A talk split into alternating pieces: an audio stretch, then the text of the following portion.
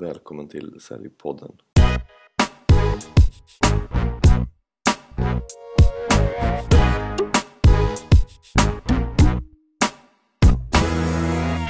Idag i Säljpodden har jag med mig Mikael Wahlgren, grundaren av Pineberry, som är ett av Sveriges ledande företag inom sökmotoroptimering och annonsering på Google och Facebook. Och ni hjälper ju bolag att både nå och upprätthålla topplaceringar för sökningar och annonser på nätet samt att sprida kunskap om hur man ska nyttja Google på bästa sätt för att öka sin försäljning. Så välkommen till Säljpodden Mikael! Tack Mattias, kul att vara med! Ja, kul att ha dig med! Eh, jag tänkte så här att innan vi kommer in på, på Google och annonseringar, hur man ska göra och så vidare, så tänkte jag höra lite med dig om vad du gjorde innan du startade Pinemary. Ja, som ni kanske hör så kommer jag söderifrån. Jag är född och uppvuxen i Malmö men flyttade till Stockholm för att plugga. Mm. Eh, till civilekonom eh, med finansinriktning. Jag hade sett framför mig en karriär i finansbranschen. Och nu får vi gå så långt tillbaka som 1999 när jag var klar. Och då tog jag ett jobb på ett ställe som heter Avanza. Mm. Som jag trodde var ett finansjobb. Eh, de förmedlar ju aktier och fonder. Så till viss del är det finans, men det som var unikt med Avanza var att de gjorde det på internet. Mm. Så jag halkade egentligen in i internetbranschen av ett litet, av, det var ett litet bananskal jag halkade på. Eh, och sen dess har jag jobbat med internet och primärt då marknadsföring och affärsutveckling på internet. Eh, så det är ett lyckligt misstag där i början av min karriär tycker jag. Det är det hedliga gamla bananskalet som gör det? Exakt. Och jag läste ju lite grann om dig innan här och att du har alltså en fäbless för skånsk äppelkakor New York. Mm, faktiskt. Men du verkar också ha lite eh, en annan grej och det är att du verkar gilla udda t-shirts. Ja, jag hade, när vi, spel, vi spelar in en, en, vi har en egen podd som heter Sökpodden och där blev det bara så att jag har ny lite, jag tycker de är roliga t-shirts eh, var vid varje inspelning. Eh, men det var en liten rolig grej kring det som hände nyligen när jag, när jag snackade med en anställd vi har som började ganska nyligen. Och han blev lite besviken när han började här för han trodde att jag gick runt med dem alltid. Men så var det inte utan jag, det är bara när vi spelar in som jag har på mig. Han trodde det var en sån här eh, grej som alla de här eh, chefsevangelisterna på bolagen har. Precis. Som Mark Zuckerberg har all sin gråa t-shirt och Steve Jobs hade alltid sin eh, svarta halvpolo. Ja precis, jag har tänkt ganska mycket på det efter han sa det så jag, kanske, jag inser att jag kanske måste liksom köra samma stil alltid. Men, men eh, vi får se. Mm. Eh, New York då? Ja, nej, jag, jag, det är en stor favorit. Jag, jag älskar verkligen att åka dit. Jag ska faktiskt åka dit nu i, i maj igen. Ja. Eh, så att eh, jag försöker komma dit någon gång eh, lite då och då. Det en, jag gillar pulsen där. Det är fantastiskt bara att vara där. Man behöver inte göra så mycket, bara att vara där är häftigt tycker jag. Ja. Får du med dig mycket influenser inför jobbet eh, därifrån? Nej, det skulle jag inte säga. De, alltså, det Nej. kommer mycket influenser från USA rent allmänt till det vi gör, men det kommer inte av att man är där utan det snappar man upp på annat sätt redan. För det behöver man inte åka dit. Ja, just det. Så det är mer, eh, eller det är bara av privata skäl jag, jag gillar New York. Ja, härligt. Men du, du klev ju ner från vd-stolen från, eh, på Pineberry för en tid sedan. Mm. Men, eh, men du är ju fortfarande kvar i bolaget. Men vad gör du mestadels idag? Ja, det var ju så att jag varit VD i, i nio år så jag, jag tyckte för min egen del att det var kanske dags att, att göra ett byte och eh, fick heller inte riktigt tiden räcka till. För det jag har börjat göra mer och mer de senaste åren är att jobba med vår egen marknadsföring och vår egen affärsutveckling. Och rent konkret så innebär det att jag, förutom driver vår egen podd, jag så föreläser jag mycket, skriver böcker, är ute på olika branschevent. Så det är väl det jag gör, jobbar med vår egen marknadsföring. Mm.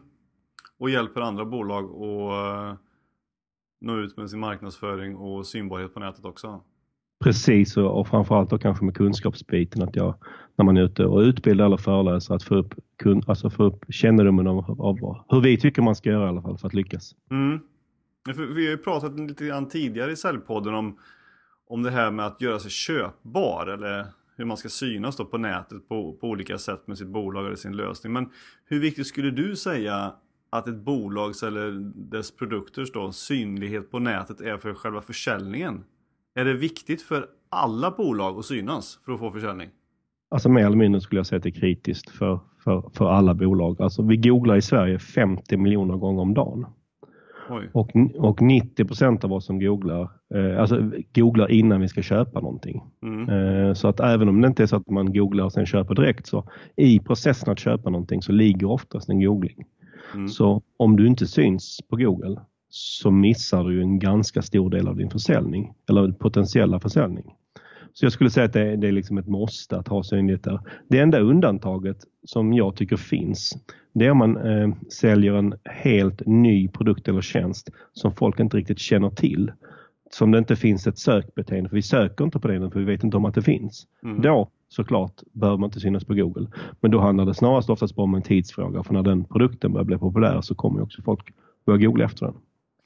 Du tänker till exempel att man nyttjar eh, bildmedia eller Instagram eller annonser på Facebook istället eller hur tänker du? Till, till börja med då när man inte ens produkt är känd. Mm. Ja, ja, då kanske Facebook är bättre för att då kanske man hittar personer som borde vara intresserade av den här produkten som de inte vet om finns. Mm. Eh, säg att det är någon ny grej för löpning, någon ny pryl som inte finns på marknaden. Då kanske man kan rikta sig till löparintresserade på Facebook och på det sättet bygga varumärke och bygga kännedom om produkten. Men det i sin tur kommer resultera att om det funkar och om produkten är bra kommer ju bara resultera i att folk börjar googla om den här produkten. Mm. Och då gäller det att synas på Google för annars är det någon annan som tar den trafiken och så säger, till och med kan man säga tar din försäljning som du borde kanske ha, som du kanske själv har byggt upp. Just det. Man måste ju tänka ett steg längre innan man kör igång med en sån grej alltså. Ja, jag brukar säga alltså det, det är ju lite av den här klassiska säljtratten kan man säga. Att, och där, där man kan säga att Google ligger längst ner på något sätt. Eh, det finns ju många exempel tycker jag där på kanske svenska stora bolag med stora marknadsföringsbudgetar som är inte så bra på att ta hand om det här. För att vad händer när de stora pensions eller bankerna gör reklam för eh, att det är dags att, att, att spara inför pensionen på, på TV? Om de kör en stor TV-reklam för det, vad händer då i soffan? Ja, man får panik och börjar googla. Exakt. Och då är de inte alltid lika bra på att fånga upp dem och då kan det vara andra lite mindre snabbfotade företag som gör det. Och det är ju jättebra för dem. Mm. Men, men, men, men eh, det finns ju all anledning att se till att man eh, har bra synlighet på Google först innan man gör större investeringar som, som kommer, bara kommer att skapa massa googlingar. Just det, för då tappar man hela den trafiken till någon annan istället. Ja, den risken finns ju. Mm. Jag vet att du, du är noga med att skilja, eller göra skillnad på begreppen sökordsoptimering och sökordsannonsering. Kan du förklara lite hur, de, hur det skiljer sig? Ja, alltså om man då sökmotoroptimering eller SEO som är den ena delen. Så är det, det är ju den delen man jobbar med när man vill synas i det organiska resultatet som det kallas på Google. Alltså den delen som inte är annonser. Mm. Och den, den styrs av eh, väldigt avancerade algoritmer eh, som Google har som räknar då fram vilka, vilka resultat som är mest relevanta för den här googlingen som har gjorts. Och sen den andra delen då, sökordsannonseringen, eller Google själva kallar sitt system för det för AdWords, Google AdWords. Mm. Det är ett separat annonssystem som fungerar på ett visst sätt som inte är alls kopplat till de här algoritmerna. Och visst, det finns ju såklart några likheter men, men, men, men det finns mer skillnader än likheter egentligen. Och du måste behärska båda två för att kunna nå en optimal synlighet. Mm. Okej, okay, men vi, vi, vi tar en sak i taget först då. Om vi börjar med, med sökordsoptimeringen här. Om du skulle ta med oss på en, låt säga en snabb odyssé över sökordsoptimeringens historia. Hur, hur skulle det se ut då? Om du har det klart ja, för dig. Ja, men alltså man, det som har hänt under de 10-15 åren jag har jobbat med det så, så det är klart att allt, de här algoritmerna jag pratar om har blivit mer avancerade. Det krävs mer av en sajt för att lyckas bli synlig än det gjorde innan. Det var lite enklare kanske tidigare. Innan så kanske det räckte att man gjorde vissa saker. Nu behöver man göra lite mer för att synas. Och om man tittar på själva beteendet hur vi använder Google så har det också ändrat sig lite för att när, när sökmotorerna kom så var det ju mer av att man googlade efter enstaviga sökfaser. Liksom. Medan nu så, så är det liksom lite längre, längre faser vi använder oss av för att vi har blivit bättre på att googla helt enkelt. Um, och en, en, en, en, en, i och för sig en effekt som, um, som går mot det här är det, är det mobila beteendet som nu står för mer än hälften av alla googlingar. För där igen så skriver vi lite kortare mm. för att det är lite jobbigt att skriva på mobilen. Så där orkar man inte alltid skriva lika långt. Har de ändrat sig då Google på, eftersom de skulle ju eh, skifta sin, eh, eh, algoritm som jag fattade för de, de som skulle gälla för mobila sajter och det som skulle gälla för datorsajter så att säga. Gör man ja, det för var... sökorden också menar du? Nej, kanske inte direkt för sökord, men det, det, det, det du tar upp är en ganska stor förändring som gjordes i förra hösten. I alla fall vi tror i alla fall att det kommer att bli en stor förändring. Även om Google själva säger att det inte kommer att ha så stor effekt. Men jag tycker ofta man ska ta det Google säger med en nypa salt. Men det som har hänt då är att under fram tills, tills i höstas så har Google alltid utgått från en, hur en eh, sajt ser ut på datorn som någon form av standard. Mm. Det är det de har använt när de har bedömt hur man ska ranka. Visst, de har även kollat på ens mobila sida men de har inte lagt lika stor vikt vid dem. Eh, men nu byter de. Så nu är det den mobila sidan som är standard. De, de tittar inte lika mycket på hur en sida ser ut på datorn. Och om du då till exempel har en på din mobilsajt har kanske färre sidor än på datorn, vilket inte är ovanligt. Mm. Eller du har kanske mindre innehåll på varje enskild sida. Så är det inte alls otänkbart att du framöver då kommer ranka sämre på Google eh, och det gäller då även på en datorsökning för att det är mobilen som Google främst kommer titta på framöver. Men det här är ganska nytt så man vet inte exakt vad det kommer innebära men jag tror att det är en ganska stor förändring vi står inför. Mm. Men om man tänker då på vad är det som, som spelar mest roll i SEO? Är det uppbyggnad av hemsidor? Är det vad man har på dem? Eller är det hur mycket fraser och nyckelord man lägger in på sajterna? Vad är det som gäller liksom just nu? Ja, jag skulle säga att när, när, vi, när jag pratar om hur man ska lyckas med SEO så är det tre saker, huvudsaker som jag tycker man ska tänka på och det gäller att göra alla tre för, för annars kan det, eh, är det risk att, man, att det blir fel. Och det första man måste börja med och det gäller samma oavsett om man jobbar med SEO eller AdWords. Det är att ta reda på vilka sökord ska jag synas på. Mm. För om du inte har gjort den läxan så spelar det, då kan du inte riktigt göra resten. Du måste veta vad som är relevant för dig att synas på. Och det är liksom det är lättare sagt än gjort. För det, det är en ganska svår uppgift och man har oftast kanske lite en felaktig bild av vad som är relevant. Mm. Oftast tänker man kanske lite bredare än vad man borde. Man vill ju gärna synas på så mycket som möjligt men det gäller verkligen att se till att, att det är de, mest, de sökningar som där du är så relevant som möjligt som du ska synas på. För annars kommer du inte kunna lyckas att synas ändå. Nej. Ja, efter du har valt dina sökord så, eh, så är nästa grej att, att du måste berätta för Google att din sajt handlar om de här sakerna, de här sökorden för att du ska kunna synas på dem. Och den delen inom SEO brukar, brukar kallas för on-page. Och mm. eh, det, där kan man lite förenklat dela upp det i två, två saker man måste tänka på. Det är dels sajten och sidornas innehåll och också, det är också strukturen på sajten. Och för att ta ett exempel på vad, vad, vad struktur kan vara så är det att Google måste kunna hitta alla dina sidor. För hittar de inte en sida och Google hittar primärt en sida via att de klickar på länkar. För hittar de inte en sida på din sajt så kommer den heller inte finnas i, deras index och då kommer du heller inte vara synlig på det innehållet. Mm. Och när det gäller innehållsbiten så handlar det om att, att eh, eh, här brukar man använda mig av en ganska enkel tumregel är att en sida på din, på din sajt, på din webbplats kan egentligen bara vara relevant för en sak. Mm. Så där kan man tänka sig att ett sökord per sida. Uh, och av den enkla anledningen att, att man kan själv tänka sig att, att om du, har, om du säljer eh, skor så, så, skulle du kunna ha en, en sida um, som både handlar om sneakers och gummistövlar. Mm. Men den som googlar på sneakers, han vill ju inte komma till en sida som till hälften handlar om gummistövlar. Nej. Så att varje sida på din sajt mer eller mindre ska handla om en ny sak. Och den sidan då ska du optimera och på, på ett tydligt sätt berätta för Google att den då handlar om sneakers eller om det är gummistövlar eller vad det är nu du vill synas med på just den sidan.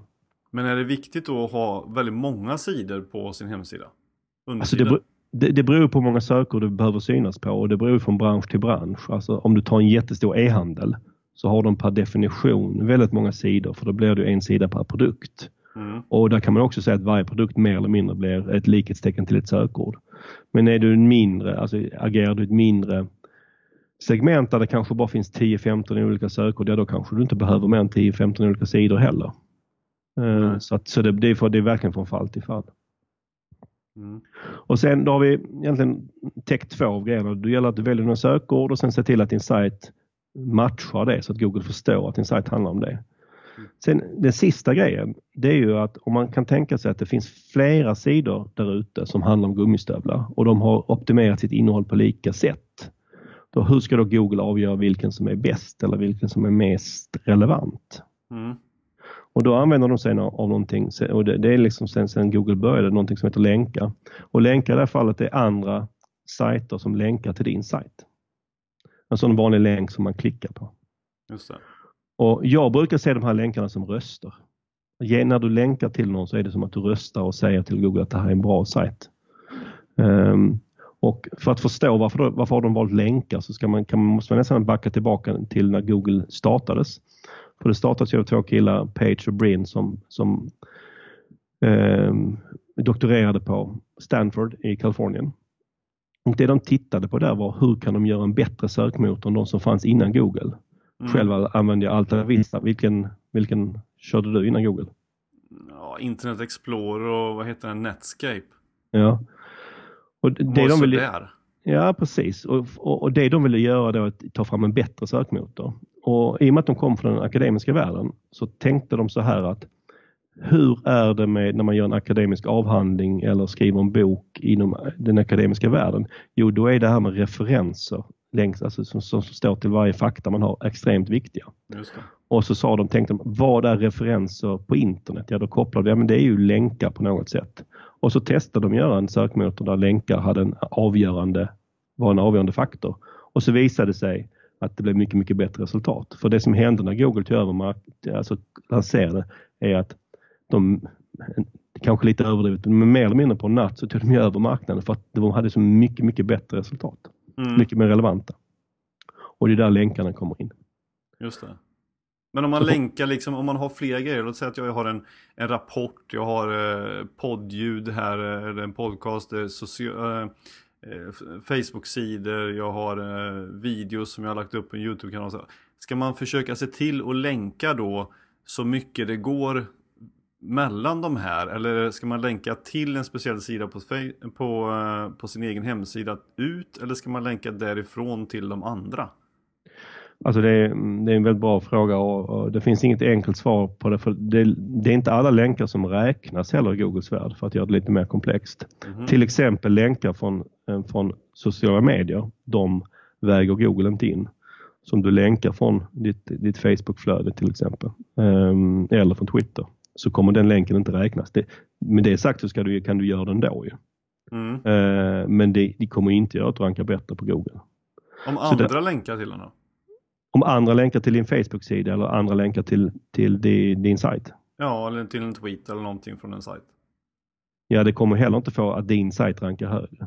Okay. Utan det du behöver egentligen är, är lite förenklat, du behöver länkar från andra webbsajter. Mm. Uh, och, och, en vanlig fråga för dig är var ska jag få dem ifrån? Och, och det, är inte, det är inte alltid så jättelätt men det, det enklaste sättet att börja på, tycker jag, det är ju att titta runt omkring Eh, i ens närhet. Alltså vilka partners, partners har jag, vilka leverantörer har jag? De man har en bra relation med, där det också är kanske naturligt att de berättar att ni samarbetar på något sätt och, mm. att, de, och att de länkar. Och Det är ju ganska vanligt att man ser att de man gör så, att man berättar om ett samarbete med ett företag men att man kanske inte länkar då. Mm. Eh, så att bara genom att få till den här länken så får du den här rösten och kommer kunna öka din synlighet på Google. Okej. Okay. Så fråga med andra ord det är jättebra. Alltså, man, det är, min, jag upplever att man ganska ofta eh, får den här länken. Och för att dra en parallell, det finns ju andra sätt att få länkar på men, men vi jobbar till exempel en del med, med PR för vår egen del. Mm. Och där när tidningarna skriver om oss eller vi är med som en expert i något sammanhang så är de, de är lite olika bra på att länka till oss som en referens då. Mm. Och då brukar, om de inte gör det så är det, brukar jag kontakta dem och be och fråga dem lite snällt om de inte skulle kunna tänka sig att länka. Och det är inte alltid de gör det men i ganska många fall så, så, så säger de självklart så gör de det. Mm. Så man ska inte vara rädda för att fråga. Om det är, I det här fallet är det väldigt relevant för att artikeln handlar om oss eller handlar om, om, om eh, någonting. Det är ju relevant att länka ut från det helt enkelt. Mm. Så om man är helt ny då, eh, mm. om jag nu är det här bolaget som har den här nya prylen på löpning till exempel. Ja. Och så vill jag nå ut med det. Hur börjar jag då? Är det då att eh, fundera på sina sökord först, tänka strukturen och, och innehållet? Eller hur börjar jag? Ja, men det skulle jag göra. Och är det så att du har lite budget, om du har lite pengar eh, att spendera, så skulle jag faktiskt rekommendera dig att göra AdWords före du gör din SEO. Mm -hmm. eh, av den enkla anledningen att AdWords är fenomenalt på att ta reda på vilka sökord som är bra. Mm. Genom att testa och annonsera det ett tag så kommer du få fram fakta.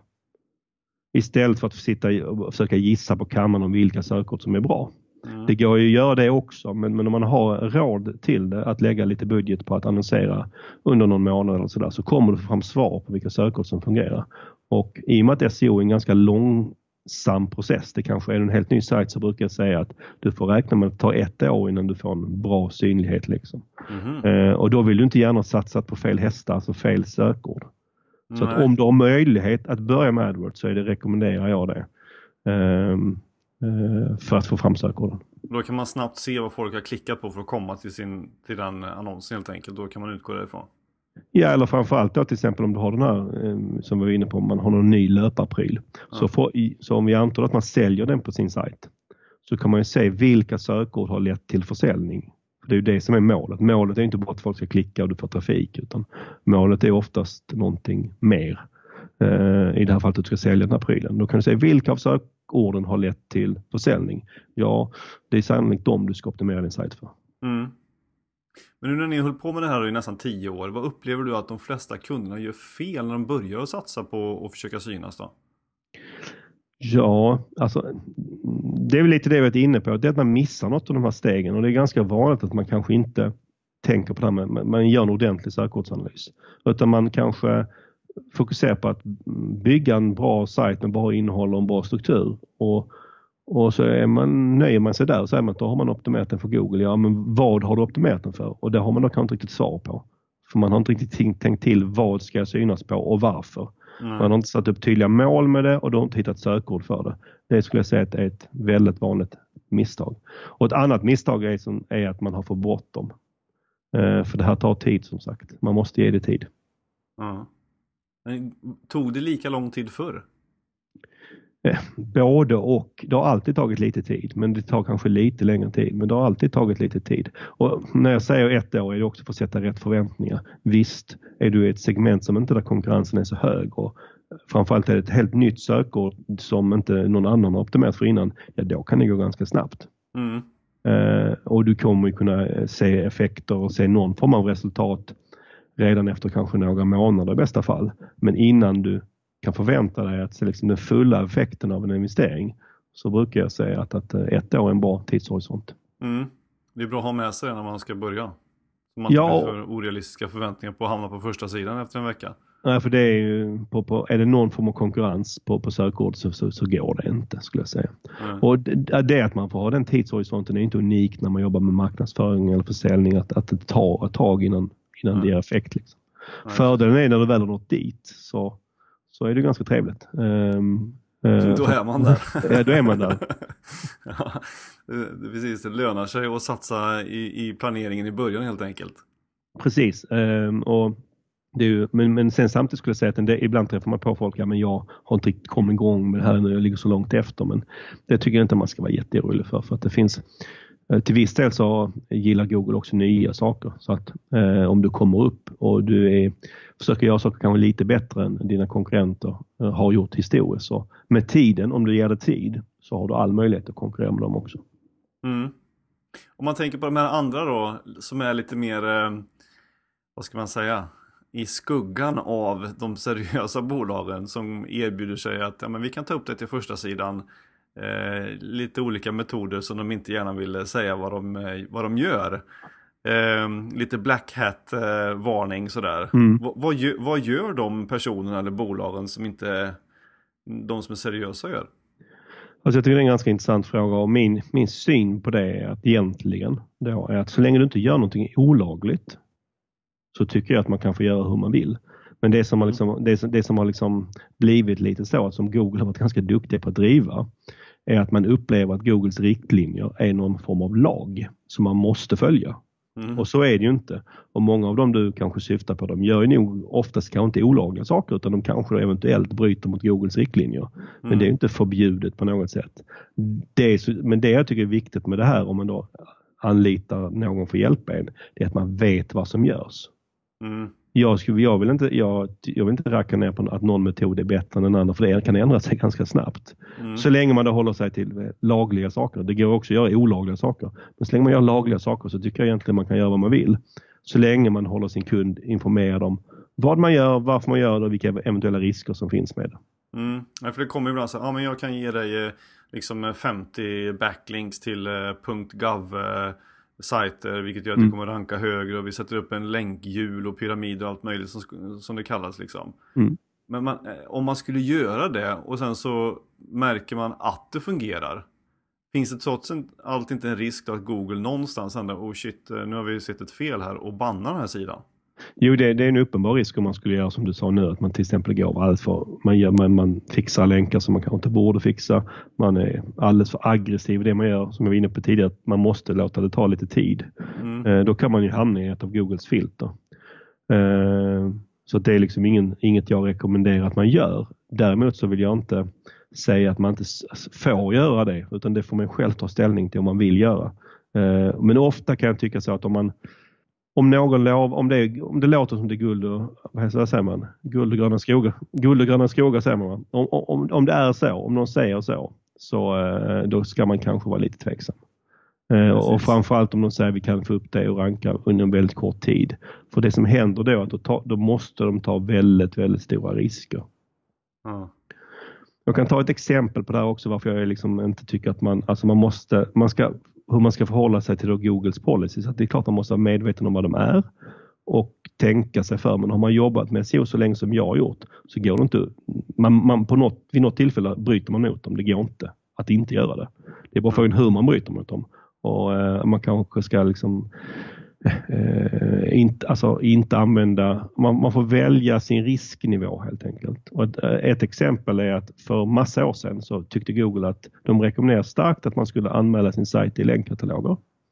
Mm. Det var väldigt enkla ställen att få länkar ifrån. Medan nu så kan du bli straffad om du har det. Mm. Så att, det är det jag menar. Och det, då är det väldigt svårt att förhålla sig till det för då kan du säga en sak ena dagen men sen nästa dag så har Google ändrat sig. Så att eh, det gäller att vara på sin vakt här men jag tycker inte heller att man bara blint ska lita på vad Google säger. Men om man tänker så här, liksom, för det kommer ju som du sa här eh, uppdateringar lite då och då. Mm. Eh, eller kanske till och med väldigt ofta som man inte kanske känner till. Eh, och det kan ju vara man har satsat kanske väldigt mycket på SEO på ett visst sätt. Som du sa nu, länkkataloger mm. eller eh, vad det nu kan vara. Och sen så ändras det här med nya uppdateringar. Hur, hur liksom säkrar man upp det här som bolag? Att man finns med i toppen även efter att de eh, alltså gör någon skillnad? Alltså det, det, går ju egentligen inte riktigt. Alltså jag vet en del som, jag får en del förfrågningar, vi får en del förfrågningar där folk, att man vill ha framtidssäker SEO. Och det är vissa mm. som marknadsför att de säljer det. Det finns ju inte framtidssäker SEO. För det är ju ingen som vet hur Google kommer att ändra sin algoritm. Det, det, vet de ju inte ens själva. Alltså de kanske har en roadmap en bit fram i tiden men hur den ser ut om ett år eller två år, det är ju ingen som vet. Eh, och det görs ju över 500 uppdateringar per år så att det går inte att, att vara säker. Men bäst, alltså men hur, hur, får ni era liksom, eh, hur vet ni att eh, det har skett en förändring och vad det får för konsekvenser liksom? Ja det gäller att hela tiden att, att kolla. Vi, till exempel vi, vi, vi håller ju håller ju koll på vad, vad våra kunder rankar på deras viktiga sökord och så ser vi om, om det har skett en en signifikant förändring så går vi in och tittar på vad det kan bero på. Är det så att vi ser att det har skett massa förändringar upp och ner samtidigt på massa kunder så är det sannolikt att det har gjorts någon större förändring och då kan man tillsammans med information man kan få från olika bloggar runt om i världen kanske pussla ihop vad det är som har hänt. Och har man tur så berättar Google vad de har gjort men i de flesta fallen så berättar de ingenting. det får man uppleva själv. Ja precis, men den bästa medicinen om man ändå vill jobba långsiktigt alltså är ju att man ska jobba långsiktigt. För att om du jobbar långsiktigt så även om det kommer en uppdatering som det, det är ju väldigt sällan det kommer en uppdatering som helt gör att du försvinner. Då ska du ha gjort någonting ganska tveksamt oftast. Utan det är kanske att du får lite försämrad synlighet under en period. Men återigen om du jobbar långsiktigt så kommer du kunna ta tillbaka det. Och um, en, en, en åsikt som jag också hör ganska ofta som jag kan förstå men det är att om man då rankar väldigt högt, så att man rankar etta på sitt viktigaste sökord och så tappar man, tappar man den positionen. Och då upplever man det som att det är katastrof. Och för, för det är det kanske för den det företaget också. Men det är också kanske naturligt att man inte under tio års tid rankar etta på sökordet utan att det kommer ju alltid ändra sig lite hela tiden. Mm. Eh, det, det, det, ligger lite i sakens natur. Men om du skulle våga dig på och spå in i framtiden ändå då? Hur kommer mm. SEO att se ut om tio år? Alltså, jag har jobbat med det här i 10, nästan fem, snart 15 år och om jag skulle jobbat ett, två år då för 10-15 år sedan och sen slutat och kommit tillbaka idag så skulle jag nog inte tycka att det har hänt så jättemycket. Det har hänt en del men det är inte så att det är helt annorlunda allting. Och om jag får titta mm. så tio år framåt så skulle jag gissa att visst det kommer att ske vissa förändringar. Men det kommer inte vara något eh, så omvälvande som att jobba på ett helt, helt annat sätt än vad man gör idag. Det tror jag inte. Eh, Google själva pratar väldigt mycket om AI, artificiell intelligens, att de vill få in det mer och mer i algoritmen. Och det, vad det exakt kommer innebära är det väl ingen som vet. Hur, om det, kommer, det är inte säkert att det påverkar om man gör SEO, men det kan ju påverka väldigt mycket. Mm. Den kanske egentligen intressantaste frågan gäller SEO är ju huruvida vi kommer använda Google om tio år. Mm. För det är inte helt självklart. För de kom, alltså sökmotorerna kommer ju från ingenstans och vad är det som säger att de kommer att vara kvar om 10 år eller 20 år om man tittar ännu längre fram i tiden.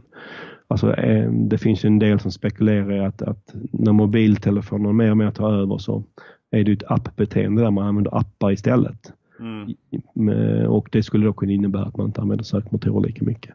Personligen så tror jag inte att det kommer att hända utan jag tror att Google kommer att vara minst lika starka om 10 år. Men men det som lever för sig. Mm. Det blir att man frågar sin eh, eh, AI-robot hemma. Eh, fixa det här eller söka upp det här.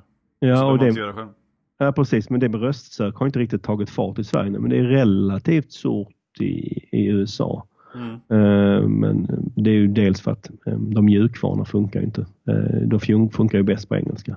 Ja, men så det är möjligt att det kommer att ta fart i Sverige också. Men då är det fortfarande att det finns ju en sökmotor i bakgrunden. Eh, men man skulle kunna tänka sig att, att ett, helt, ett beteende där man helt går ifrån det. Eh, men jag har, jag har svårt att se det själv. Mm. Men om vi hoppar ifrån lite grann från en sökordsoptimering då och går in på det som ni också hjälper bolag med, nämligen med AdWords och sökordsannonsering. Ja. Hur, hur har jobbet med AdWords förändrats över tid? Och vad är det som gäller idag för att man ska liksom lyckas bra på den sidan? Alltså det som, har, det som har hänt två stora saker kan jag säga. Att det är många fler som annonserar idag än det var för tio år sedan. Um, så konkurrensen har ökat.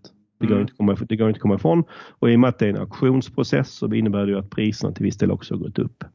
Um, en annan eh, stor förändring är att det här själva annonssystemet AdWords har ju utvecklats något enormt. Uh, och det är ju i mitt tycke ett väldigt roligt system att jobba i för det finns enormt många spakar och rattar man kan dra och slita i för att få till sin annonsering på bästa sätt. Mm. Uh, och det, man kan skära det på så många olika sätt som jag, jag tycker det är, det är fantastiskt helt enkelt. Uh, de möjligheterna som finns där. Och en stor frustration för alla som inte behärskar det. Ja, och det stöter man också ofta på att, för det är inte um, en myt som jag brukar tala om när det gäller AdWords är att som Google är jättebra på, på att odla det är ju att, att det är enkelt med AdWords. Men, mm. och det, där finns också ett sätt att man enkelt kan komma igång. Man bara kör igång det, liksom, man går den enkla vägen. Men då slutar det oftast ganska alltså, tråkigt med att man har spenderat mycket pengar på någonting som man inte borde spendera på utan att förstå egentligen vad som har hänt. Mm. Ska man göra det riktigt och få lönsamhet i det så måste man grotta ner sig i hur det fungerar. Med det sagt så måste man inte vända sig till en byrå som, som vi. Man kan göra det själv om man har intresse för att lära sig det, men man måste ha kunskapen. Någon måste ha kunskapen för att det ska bli bra. Mm. Men kan du berätta lite om den här senaste grejen då som har hänt sista halvåret här med att det nya annonsformatet på AdWords? Ja, de, in, de lanserade i augusti förra året så kom det till Sverige någonting som det, förkortningen är ETA som står för Expanded Text Ads och det, då gjorde Google annonserna 47% större. Och det är ganska mycket större om, om ni som googlar kanske inte själva märkt det för det syns faktiskt inte så mycket. Men de, de, de är faktiskt, många av dem är 47 större. Mm. Och um, då um, innebär det att man de kommer by, sakta men säkert byta ut det här nya annonsformatet. Och det, det är ju två kanske viktiga saker med det. Dels ger det det större formatet mer möjligheter. Du kan få in mer text, du kan, du kan få in mer anledningar till att någon ska klicka och välja just din annons. Men den kanske viktigaste grejen här som jag skulle förmedla när det gäller det här, det är att man måste börja använda det här nya annonsformatet om man inte redan har gjort det. Mm. Sedan, sedan 31 januari i år så går det inte att skapa eller ändra de gamla annonserna. Då måste man göra de nya. Och förr eller senare så kommer Google garantera att fasa ut de gamla annonserna helt och hållet. Och när det, när det sker så vill du som annonsör verkligen ha bra ETA-annonser på plats, de här nya annonserna. För annonserna är liksom kritiska för, för AdWords. Och har du inte bra annonser som presterar som du har testat dig fram eh, så kommer det stå dig dyrt. Framförallt om du har haft gamla annonser som har levererat väldigt bra resultat. Så helt plötsligt står du med, med annonser som du är, är oprövade. Mm. Så om, om, om det är någon som lyssnar som annonserar på AdWords och de inte har börjat skapa sådana annonser så är mitt tips att försöka göra det så snart som möjligt och testa, testa er fram till ni hittar annonser som, som fungerar bra. Och då är det att man kan skriva in mer saker, längre rubriker och mer text eller? Ja, precis. Mm. Men hur skulle du önska liksom i ett önskescenario att, att, eh, att bolagen ser på sin AdWords-annonsering som de inte verkar göra idag? Ja, alltså ett, ett sätt som jag brukar snacka om eh, är att man, man, det normala är kanske att man ser AdWords som marknadsföring och det tycker jag väl man kan absolut göra. Men man, ska, man kan lika gärna se det som försäljning. Mm. För att om man ser det som försäljning så det är det kanske då ofta man utnyttjar, det bästa på AdWords. Det är att man kan, man kan inte bara skapa varumärkeskännedom utan du kan verkligen få till affärer. Mm. Och det är där, det där styrkan ligger i AdWords och det är där jag skulle vilja att fler och fler tänker på det sättet. Och för, att, för att lyckas med det så handlar det om det som vi pratade om tidigare, att man måste sätta upp tydliga mål eh, och sen utifrån, optimera utifrån dem. För har man inte gjort det så blir det mer att man kanske bara annonserar för att, att, att synas. Det tycker jag inte bara att jag vill synas utan det är mycket bättre att man vill sälja. Om man säger att jag vill sälja via Google är det bättre att tänka än att jag vill synas på Google egentligen. Mm. Men om man tänker liksom eh, kombinationen här av sökordsoptimering och sökordsannonsering som, men, ta exempel med gummistövlar här till exempel. Mm. Om jag bara skriver in eh, gummistövlar mm. eh, så kanske jag får eh, träffar på en gummistövelstillverkare. Jag kanske får såna här bildannonser från olika skosajter som har gummistövlar. Jag kanske får mm. en film om, på vi, eh, som har då en Youtube-film om hur man har hur man skapar eller producerar gummistövlar. Mm. Men, men om jag söker efter gummistövlar, vet Google, då vet ju inte Google om jag bara vill ha information eller om jag vill köpa någonting. Så han visar Nej, både organisk sökning och annonser på, den, eh, på det sökordet. Ja, de, de visar ju oftast eh, både annonser och organiska resultat. Då. Just gummistövlar är ett ord som då, det är lite svårt att veta om personen vill köpa eller inte köpa. Mm. Eh, och, eh, säljer du gummistövlar så skulle jag ändå tro att det är relevant att synas på det sökordet. Men det är inte helt självklart. Utan du kanske måste vara ännu snävare och, och ha ord som köpa gummistövlar. Mm. För att vara, vara, vara mer, mer, säker på. Eller kanske märken. För om du kommer lite längre ner då du tar ett, en variant av en gummistövel. Den typen av sökningar. För då har man kommit lite längre i sin, i sin beslutsprocess. Att man, jag, jag, jag är inne på just den här produkten, inte generellt om gummistövlar. Så att um, ofta är det så att ju mer specifika sökningarna är, desto mer, alltså desto mer lönsamma blir de. Bästa gummistövlar till barn? Ja, till exempel. Mm. Men, men ska man ha det som en sökfras i sin annons eller ska man bara eller ska man ha med den frasen i annonsen också? du ska ha med, alltså du måste matcha sökningen på bästa sätt. Både, det handlar liksom om att man ska köpa, man kan säga någon form av treenighet. Ehm, att det som googlas efter ska helst stå i själva annonsen och sen när du klickar på annonsen så ska sidan du hamnar på handla om det. Når du inte det samspelet så blir det aldrig bra. Uh, för det som händer, uh, och det sätter Google extremt hög vikt på. För att som vi pratade om tidigare så är, när någon googlar så sker det ju en aktion i bakgrunden hela tiden. Mm. Och, då är det två saker de väger samman. Och dels är hur mycket du är beredd att betala, alltså hur mycket du budar på just det här sökordet. Jag är beredd att betala 7 kronor för att synas här. Men det multipliceras sen med något som kallas quality score.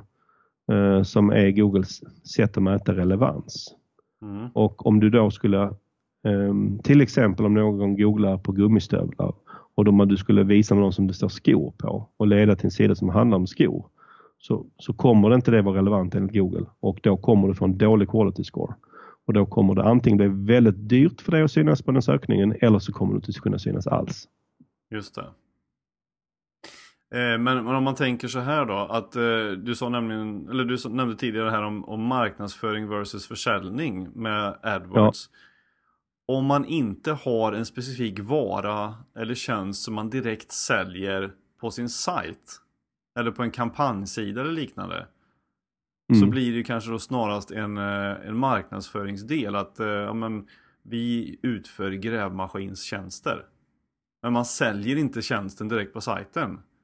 Nej, men då tar man ju, om man, om man är ett grävmaskinsbolag så vill man ju ändå ha, ens mål med marknadsföringen är ju att man ska få kunder. Mm. Eller borde vara det i alla fall, tycker jag. Mm. Och, och, och, även om man inte säljer tjänsten direkt så man kan köpa den med kreditkort där, så kanske du samlar in offertförfrågningar. Just det. Så man ska alltid tänka att det ska vara en landningssida som man hamnar på för att få kundernas eh, e-postadresser eller, eller direktköp eller åtminstone få någon form av kontaktinformation. Ja precis, för om, om, om syftet när man ska göra marknadsföring att man ska få kunder så måste på, någon, på bästa sätt fånga upp dem. Och vi själva som byrå, vi, vi, säljer inte våra tjänster direkt på nätet utan vårt mål är ju också offertförfrågningar som när vi annonserar. Mm. Och sen vet vi då hur många offertförfrågningar i snitt som krävs för att få en kund och så vet vi vad en kund är värd. Och baserat på det kan vi också räkna ut hur mycket vi är beredda att betala för en offertförfrågan. Eh, och det är så man får tänka eller bör tänka då. Um, och det, det är det vi var inne på tidigare, om man har en kampanjsajt som inte liksom, där det finns ett tydligt mål så är mitt första råd ändå att försöka hitta ett tydligt mål med det. Att samla in någonting, göra någonting, även om det är bara att du samlar in en e-mailadress eller någonting. Men, men självklart kan du även använda AdWords till bara, bara så att säga driva trafik mm. om, du, om du vill. Men då tycker jag personligen att du missade stor, storheten hos Google. Jag tänker på många sådana amerikanska AdWords-experter. De menar på att man kan att det, att det finns en viss eh, vetenskap i det här med hur man ska eh, lägga upp texten och hur mycket siffror och procentsatser och sånt där man ska ha med i texten eller öppettid och grejer för att den ska vara så klickvänlig eller liksom säljande som möjligt. Vad, säger, vad tänker du om det? Jo, det är en hel vetenskap i sig skulle jag säga. Och den, den, men den viktigaste faktorn som vi var inne på tidigare är att det måste vara relevant. Alltså du måste vara relevant mot det som googlas efter. Är du inte det så dels kommer du få dålig quality score som vi nämnde mm. och dels kommer ingen tycka att det är en bra annons. Liksom, för ingen kommer vilja klicka på den om det inte handlar om det som de googlade på. Men även vi som har jobbat i, i branschen i, i, i, under väldigt lång tid. Eh, visst, vi vet, har en hum om vad som kommer fungera, men man vet aldrig vad som kommer fungera. Nej. Så, så min viktigaste poäng är att man ska testa sig fram. Det måste du göra. Det måste även de amerikanska experterna göra. Eh, vi, jag har, vi har ett sätt som vi försöker testa på. Det är att för varje sökord du annonserar på så ska du ha tre olika annonser för just det sökordet. Som, som tävlar mot varandra. Mm. För att se vilka som presterar bäst. Och sen efter ett tag när du fått in tillräckligt mycket data så tar du bort den sämsta annonsen och lägger till en ny som, som vars mål är att försöka slå de andra två. Och gör den det får den vara kvar annars försvinner den också ut. Och på det hela, om du gör så kontinuerligt hela tiden så kommer du för, sakta men säkert få bättre och bättre annonser och då kommer du få bättre och bättre resultat. Mm. Så, eh, men sen generellt skulle jag vilja säga att det är oftast mer tråkiga budskap som fungerar än de här mer flashiga slogans och sånt man ser i tidningsannonser. Till exempel saker som det står fraktfritt det funkar oftast ganska bra om det jämfört med där finns eh, än att man har liksom eh, använder just do it som Nike-slogan. Det är ju ingenting som gör att man klickar på en annons. Nej, men, men eh, om man då, hur ska jag säga, om man, om man bestämmer sig för att köra en AdWords-annons Ja. Eller annonsering, för det är ju inte bara en annons som du sa, utan mm. man ska göra många. Mm. Men hur ska man tänka runt det här med budgetar och, och visningar över tid? För, eller är det liksom alltid mer framgångsrikt att ha en högre annonsbudget per sökord? Eller är själva sökorden viktigast? Jag skulle säga så här, om man, om man lyckas komma ifrån det traditionella budgettänket när det gäller AdWords så har man vunnit mycket. Sen vet jag att det är ganska svårt, framförallt i större organisationer där liksom allting nästan styrs mot eller från någon form av budget. Eh, för den stora, det fina med AdWords återigen är att du kan räkna ut om det är lönsamt eller inte. Och om du kommer fram till att det är lönsamt, då vill du spendera så mycket pengar som möjligt. Hur räknar man ut det? Ja men till exempel som om vi tog det här exemplet med offertförfrågan att vi har kommit fram till att, en, eh, nu hittar jag på siffran, men säg att en offertförfrågan är värd 1000 kronor för oss mm. och vi kan köpa den för 500 kronor. Mm. Då vill vi köpa så många som möjligt tills vi inte kan köpa fler. Oavsett, oavsett hur mycket vi har i, bud har i budget. Just det. Och sen gäller motsatsen också. Att om, om du säger att det inte är lönsamt, säg att vi har råd att betala 1000 kronor men de kostar 2000. Ja, då ska vi, om vi då, man kanske inte ska ge upp direkt utan då får man ju testa och se om man kan få det att fungera. Men om du efter ett tag inser att det här går inte, ja, då ska du ju sluta annonsera. Mm. Så bara för att det står 300 000 om året i din AdWords-budget så ska du alltså, kommer du ifrån det tänket så är det bra för att fungerar det inte då ska du inte spendera de här pengarna. Fungerar det, är det lönsamt då vill du spendera ännu mer. Så det är ju det, alltså om man kan nå den punkten så kommer du, har du, har du mycket större möjlighet att lyckas. Mm. Men du, om jag får vara lite elak här då. Mm. Alla de här som, som sitter och lyssnar på det och tänker så här att, men alltså de där annonserna som dyker upp på Google, det är ju, de är ju köpta och, och då är liksom inte alltid, det är inte det jag letar efter utan de är liksom bara optimerade på mitt sökord eller det, det man, liksom den här frasen man skriver in här. Mm. För att de vill sälja något. Så jag klickar inte på dem. V vad skulle du säga till dem? Då skulle jag svara, säga så här att då, då är du lite ovanlig. okay. och, och, så skulle jag fråga sen, vet du hur mycket pengar Google tjänar? ja. De tjänar ungefär 600 miljarder kronor per år eller har intäkter över det. Och 95 procent av de intäkterna kommer från att vi klickar på deras annonser. Ja. Så om inte du klickar så klickar alla andra i alla fall. Eh, och det finns det är en ganska färsk brittisk undersökning som visar att 55 procent av oss inte ser skillnad på annonserna och det organiska resultatet. Eh, så visst klickar vi på annonserna. Mm.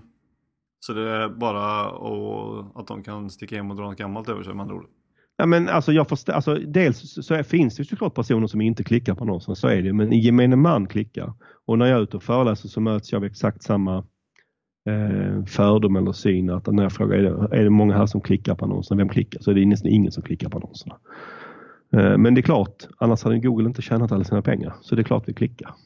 Men jag tänker att det måste ju vara beroende på vad man är ute efter också. Om det bara är ute att skaffa sig information till exempel om vilka gummistövlar är bäst i test. Om man vill läsa ett test då spelar inte kanske annonsen så stor roll. Men det spelar ju roll efter att man har läst testet och sen vill ta reda på vart de där bästa gummistövlarna finns. Ja, så det absolut. hänger ju alltid ihop. Ja, och återigen så, så um, är det ju så att väldigt många inte gör skillnad på annonserna och det andra. Och om man inte ser skillnad på dem så klickar man på det som känns mest relevant. Mm. Och jag tycker då att i de flesta lägen när jag googlar och ser annonser så är annonserna väldigt relevanta. De är mm. oftast lika relevanta som det organiska resultatet. Eh, numera tycker jag, för folk har blivit lite bättre på mm. att det, det, är ganska dyrt att inte vara relevant i annonserna. Så att man straffas ganska hårt om man inte är det. Mm. Um, så att jag upplever från ett användarperspektiv så tycker jag de i och sig kompletterar varandra, både annonserna och det organiska resultatet. Men det finns liksom ingen anledning att föredra det ena före det andra. Nej, man ska satsa på båda helt enkelt. Jag tycker det. Mm. Men om du skulle våga dig på att sia in i framtiden för, eh, för AdWords-annonsering på Google. Hur, hur ser det ut om tio år där? Ja, det, kan, det är ju liksom att om, när jag tittar tillbaka på AdWords så är det väl samma sak. Jag ser fram emot att det blir ännu mer avancerat. Det kommer finnas ännu fler spakar att dra i. Och en, bara för att ta ett exempel på det, en spak som precis har kommit som jag tycker är ganska häftig. Det är att man numera kan annonsera utifrån demografi i sökresultatet också. Tidigare var det ju sökord och sen om man ville annonsera mot till exempel kön eller ålder eller sådär så var man förpassad till antingen Facebook eller displayannonsering. Mm. Men nu kan du kombinera ett sökord med, med kön och ålder. Så till exempelvis om du är en butik som bara säljer damskor så om du, väl, om du annonserar på ordet skor så kan du välja att bara annonsera mot tjejer som googlar på skor. Mm. Och det är ytterligare en spak man kan dra i och jag tror det kommer bli ännu mer spakar. För att, för att vi som annonsörer kräver det. För att vi vill kunna vara så exakta som möjligt i vår annonsering. Ja, men precis. Det är väldigt stor skillnad att ha en digital annonsering där du kan mäta exakt allt än att ha en offline eh, som man inte har någon som helst aning om hur många som har läst annonsen. Nej, och det är det jag tycker personligen har lite fallit för när det gäller det här ämnet. Att, att just det här mätbarheten, att man kan ställa in det så exakt och man kan följa upp resultaten. Det är det jag tycker, tycker är fascinerande. Och mycket lättare att räkna ut en lönsamhet också såklart. Absolut. Mm. Men du har ju skrivit två böcker om, eh, om de här ämnena. En om själva då sökordsoptimeringen som heter Guldläge på nätet. Ja. Och en som, heter, eller som handlar om sökordsannonsering som heter Bygg en pengamaskin som kom ut nu i början på året här. Ja precis, för någon vecka sedan. Ja, eh, hur, kan du berätta lite om, om innehållet? Ja, den första boken eh, som jag skrev med en branschkollega som heter Magnus Bråth, den, den, den den handlade om SEO och hur man ska lyckas i det organiska resultatet. Och tanken med den boken var att, att göra motsatsen till de här amerikanska böckerna som jag vet man själv hade i plugget som är mm. 800 sidor och ganska tunga att läsa. Uh, göra en ganska enkel bok med ett enkelt språk med, med bra med exempel som man, man ska kunna ta sig igenom. Alltså jag, vi hade lite mål att man, vi vill inte att man ska liksom fastna efter 20 sidor och sen inte läsa mer utan vi vill att så många som möjligt läser, tar sig igenom boken. Mm. Så den är lite gjord för att man ska kunna ta sig igenom den på en kväll och efter, det, efter man har gjort det att man ska ha, ha fått en hyfsat bra bild av hur det här med SEO fungerar. Mm. Kan man implementera grejer direkt från boken och så på sin sajt eller? Ja, det är, eh, den är väldigt praktiskt skriven så att säga. Och vi har, vilket glädjer mig väldigt mycket, så har jag fått ganska mycket folk som har hört av sig och berättar att de har gjort förändringarna och ser resultat och sådär. Så det är ganska häftigt. okay. och, och den nya boken eh, Bygg en pengamaskin som jag skrivit med en kollega som heter Mikael Berman, den, den är egentligen på samma sak fast där handlar det om AdWords. Och som vi nämnde tidigare så är SEO och AdWords är helt olika, därav två helt olika böcker. Mm. Eh, och jag tror det är bäst att man lär sig det separat för att det som sagt, så man inte, det, annars är det lätt att man blandar ihop det. Ger du exempel på hur annonser och sånt ska byggas upp då på, på det nya formatet i den eller? Ja precis, och hur man ska skriva. Exempel på hur man kan skriva en bra annons um, och vad man ska tänka på att man kanske ska försöka ha med, förutom att den ska vara relevant, att man ska ha med någon form av call to action så man får få den som googlar att, att agera på just ens annons. Men återigen vill jag verkligen betona att testandet är det viktiga. Mm. Eh, så att ingen som lyssnar kanske går hem och tänker ut den bästa annonsen och sen bara kör den. Utan det är testandet som gör att du får fram bra annonser. Mm. Och alla har ju olika målsättningar också med allt ifrån som du sa marknadsföring till direktförsäljning. Ja precis. Och det går vi också lite igenom i boken hur man ska tänka där och jag, jag tycker att ju mer konkret du kan göra dina mål desto bättre, desto roligare är det. För att då mm. kommer du se mer mätbara resultat och du kan till och med bedöma om det är lönsamt. Dessutom är det så att du kan också optimera det mycket bättre då. För om du inte har något tydligt mål, om du till exempel bara, bara har målet att driva trafik, så då är det lite svårare att optimera till exempel annonseringen så att den ger dig mest. Mm. Men om du vet att, att det ska ge en viss försäljning eller ett visst antal offertförfrågningar så är det lättare att optimera din annonsering så att den blir perfekt. Mm. Coolt. Var, var, får man ta på böckerna? Ja, du, de kan man köpa på Adlibris eller Bokus eller där böcker säljs. Och, mm. eh, man kan också köpa dem direkt av oss, då är de några tio billigare. Det bästa sättet är, är väl kanske att googla efter namnen eller um, eller så kanske, jag, jag tror du sa att du skulle lägga ut länkar till dem i, i inlägget för det här avsnittet. Så då, då kan man klicka där också. Då kan man klicka där också. Ja, just det. Men du, när du är ute och föreläser och, och, utbildar ute på bolag och sånt idag, vad är det vanligaste som de frågar dig om då? Gällande de här ämnena? Alltså vi har varit inne på en del av det redan. Eh, den ena grejen är om det är någon som verkligen klickar på annonserna. Det är som jag som nämnde, det är ganska många som tar upp den grejen. Aha. En annan grej som vi också tagit upp det är det här med länkar. Alltså för, för, det är inte så många som vet om det, som inte kan SEO, att det är så viktigt och de blir lite så tveksamma och förstår inte riktigt varför det är viktigt och hur det fungerar och skillnaden på länkar som ger någonting och länkar som inte ger någonting och så vidare. Så det är också många frågor kring det. Och sen en sak som vi inte har pratat om redan är att jag får väldigt mycket frågor om bildsöket. Mm. Eh, alltså hur man blir synlig med bilder. Eh, och det upplever jag oftast, alltså folk frågar kanske minst lika mycket av privata skäl än, än av företagsskäl. Eh, varför vissa bilder syns och varför andra bilder inte syns och så vidare. Och vad är svaret på det då? Att, att, att, det är ju lite, jag ska säga, det är inte svårare att optimera än för vanliga webbsidor. Det enda är att det är lite mer oberäkneligt av den enkla anledningen att Google inte riktigt, de kan inte läsa av bilderna. Mm. Så det är lättare, det blir fel där. Um, och det är lättare att då fuska om man nu skulle vilja få för sig att fuska. Eh, men eh, det absolut viktigaste stället att optimera bilder på är någonting som kallas alt-tagg eller alt-attribut. Som är en, en, en, sak man skriver in för varje bild när man laddar upp den på, på webben. Och Det är den som Google, bland annat, det finns flera saker, men bland annat tittar Google på den när de försöker bedöma vad en bild handlar om. Mm. Och utifrån det då så kan man ranka på, på just det. På just det, det sökordet om någon bild googlar. Just det, för det är lite lustigt ibland om man, om man försökte hitta en egen bild sådär på sin egen hemsida. Ja. Och så söker man, liksom, skriver in Hillestrand till exempel, så kommer det upp, vad är det här för någonting? Eh, det är liksom inte alls med mig att göra överhuvudtaget. Så undrar man ju, hur kan det komma sig? Ja men det är för att Google till viss, alltså de är inte lika bra på att bedöma bilder. Och sen, sen är det andra saker också, det är en vanlig sak som jag, jag vet inte om du upplever det, att efter ett tag så ser du bilder på du vet, vänner eller bekanta eller affärspartners, eller hur? Och det är kanske för att ni har varit i samma sammanhang. Och Google lägger en viss vikt vid det också eh, när de bedömer bilder. Liksom. Mm. Eh, men så det är inte lika, jag skulle säga det är inte lika exakt. Eh, och, och, det är för att Google har som sagt lite svårare att bedöma, själva bedöma vad bilden handlar om. Just det. Det är kanske är någonting som förbättras i framtiden då? Ja, jag, så vitt jag vet så försöker de väldigt mycket på att försöka läsa av bilder. För att det är väldigt lätt att, annars att säga att en bild handlar om en sak men sen är det en bild på någonting helt annat. Mm. Och det är ju inte någonting Google vill. Nej. Men ni har ju en egen podcast på Pineberry som heter Sökpodden. Ja. Kan du berätta lite om den? Ja, den startade vi för drygt två år sedan eh, och vi gör ett avsnitt i månaden där vi pratar om tre olika ämnen inom det här eh, varje gång. Och eh, jag brukar beskriva den som nördig. Eh, när vi gör våra olika saker, när vi föreläser och utbildar och böckerna. De är till för de som kanske är nya inom det här. Som vill lära, börja lära sig och skaffa sig mer kunskap. Men sökpodden är, det är raka motsatsen. Den är nördig och det är för de som verkligen känner att de vill djupdyka i ämnet. Ni får gärna lyssna och höra av er och vad, vad ni tycker. Ja, härligt. Jag lägger upp en länk till den också på avsnittet här. Perfekt. Men du, om en, en sista fråga här då. Om man nu vill boka dig som föreläsare eller utbildare eller om man vill gå en utbildning hos er på Pineberry Academy, hur gör man då? Jo, alltså vill man boka mig som föreläsare så är det väl enklast att bara skicka ett mail till mig. Då når ni mig på mikael.pineberry.com. Mikael med CH.